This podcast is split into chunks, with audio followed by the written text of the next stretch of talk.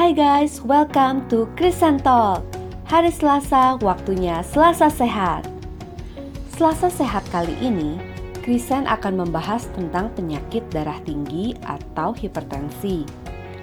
Episode ini akan membahas kapan sih seseorang dikatakan memiliki hipertensi, jenis-jenis hipertensi ada apa saja, faktor risiko dan obat-obat yang dapat menyebabkan naiknya tekanan darah.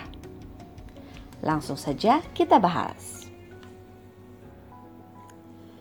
Penyakit tekanan darah tinggi atau hipertensi adalah tekanan darah yang berada di atas normal.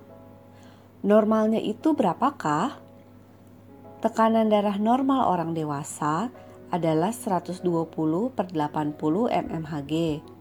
Disebut prehipertensi jika berkisar 120 sampai 139 per 80 sampai 89 mmHg. Stage 1 hipertensi jika 140 sampai 159 per 89 sampai 99 mmHg. Dan stage 2 hipertensi jika lebih besar sama dengan 160 per lebih besar sama dengan 100 mmHg. Wah, berarti kalau aku ditensi terus lebih besar dari 120 per 80 mmHg, aku hipertensi dong. Gak langsung seperti itu. Karena tensi itu bisa berubah-ubah sesuai kondisi tubuh kita. Misalnya, kita lagi kecapean, lagi tegang, habis olahraga, nilainya akan berbeda-beda. Maka sebelum ditensi, sebaiknya dalam keadaan rileks. Maka kadang kalau kita baru datang ke klinik atau rumah sakit dan mau ditensi, kita disuruh istirahat dulu sekitar 5 menit. Nah, kalian akan didiagnosis hipertensi jika tensi kalian konsisten tinggi setidaknya tiga kali pengukuran tiga kali pengukuran itu bukan sekali datang terus tiga kali diukur. Tapi misalnya hari ini datang besok datang atau minggu depannya datang minggu depannya datang lagi dicek lalu tiga kali pengukuran terus konstan tinggi di atas 120 per 80 nah itu baru kalian didiagnosis hipertensi. Dari tadi kita sebut nilai tekanan darah ada dua Misalnya tekanan darah normal 120 per 80 mmHg. Nah, kenapa ada dua angka itu? Terus artinya apa sih? Angka yang biasa disebut pertama, misalnya 120 mmHg, disebut tekanan darah sistol, yaitu tekanan darah terhadap dinding arteri ketika darah keluar dari jantung menuju seluruh tubuh dan angka yang disebut kedua, misalnya 80 mmHg, disebut tekanan darah diastol, yaitu tekanan darah ke dinding arteri saat jantung relaksasi atau bisa juga kita katakan saat darah kembali ke jantung.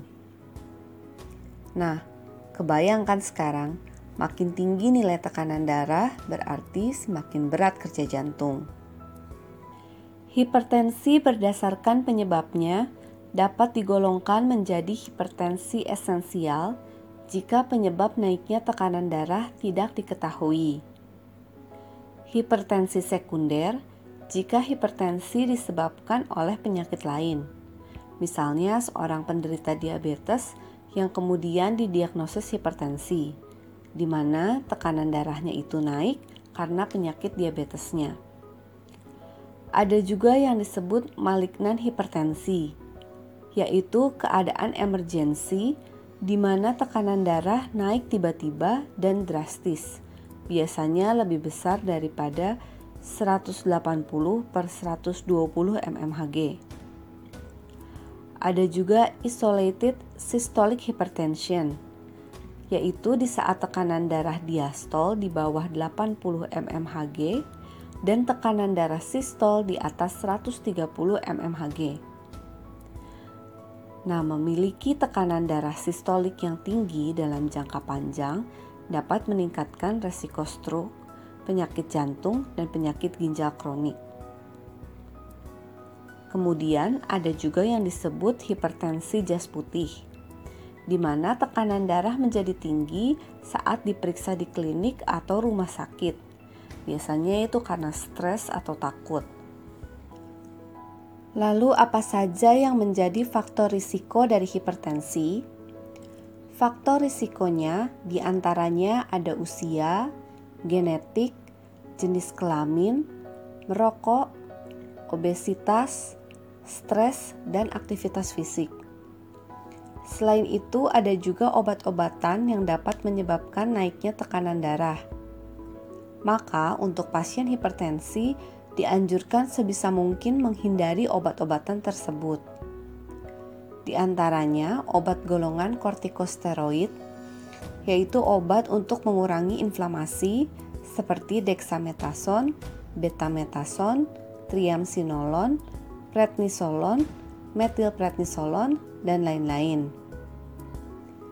Kemudian obat golongan NSAID, obat antiinflamasi non-steroid atau yang sering kita dengar dengan sebutan obat tahan sakit, seperti ibuprofen, asam mefenamat, diklofenak, dan lain-lain.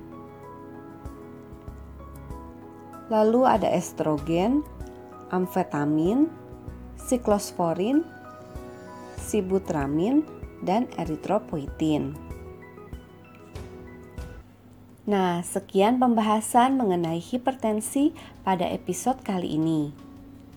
Kalau ada yang mau ditanyakan, bisa message via email krisentalk@gmail.com atau bisa juga melalui Instagram at underscore krisentalk underscore. Jangan lupa di follow untuk update segmen-segmen Krisentalk berikutnya. Buat kalian yang mau tahu lebih lanjut tentang terapi dan pengobatan hipertensi, nantikan episode Selasa Sehat berikutnya karena di episode selanjutnya Krisen bakal bahas terapi serta obat-obat yang digunakan untuk penyakit hipertensi. Oke, sampai jumpa di episode Selasa Sehat selanjutnya di Krisentalk.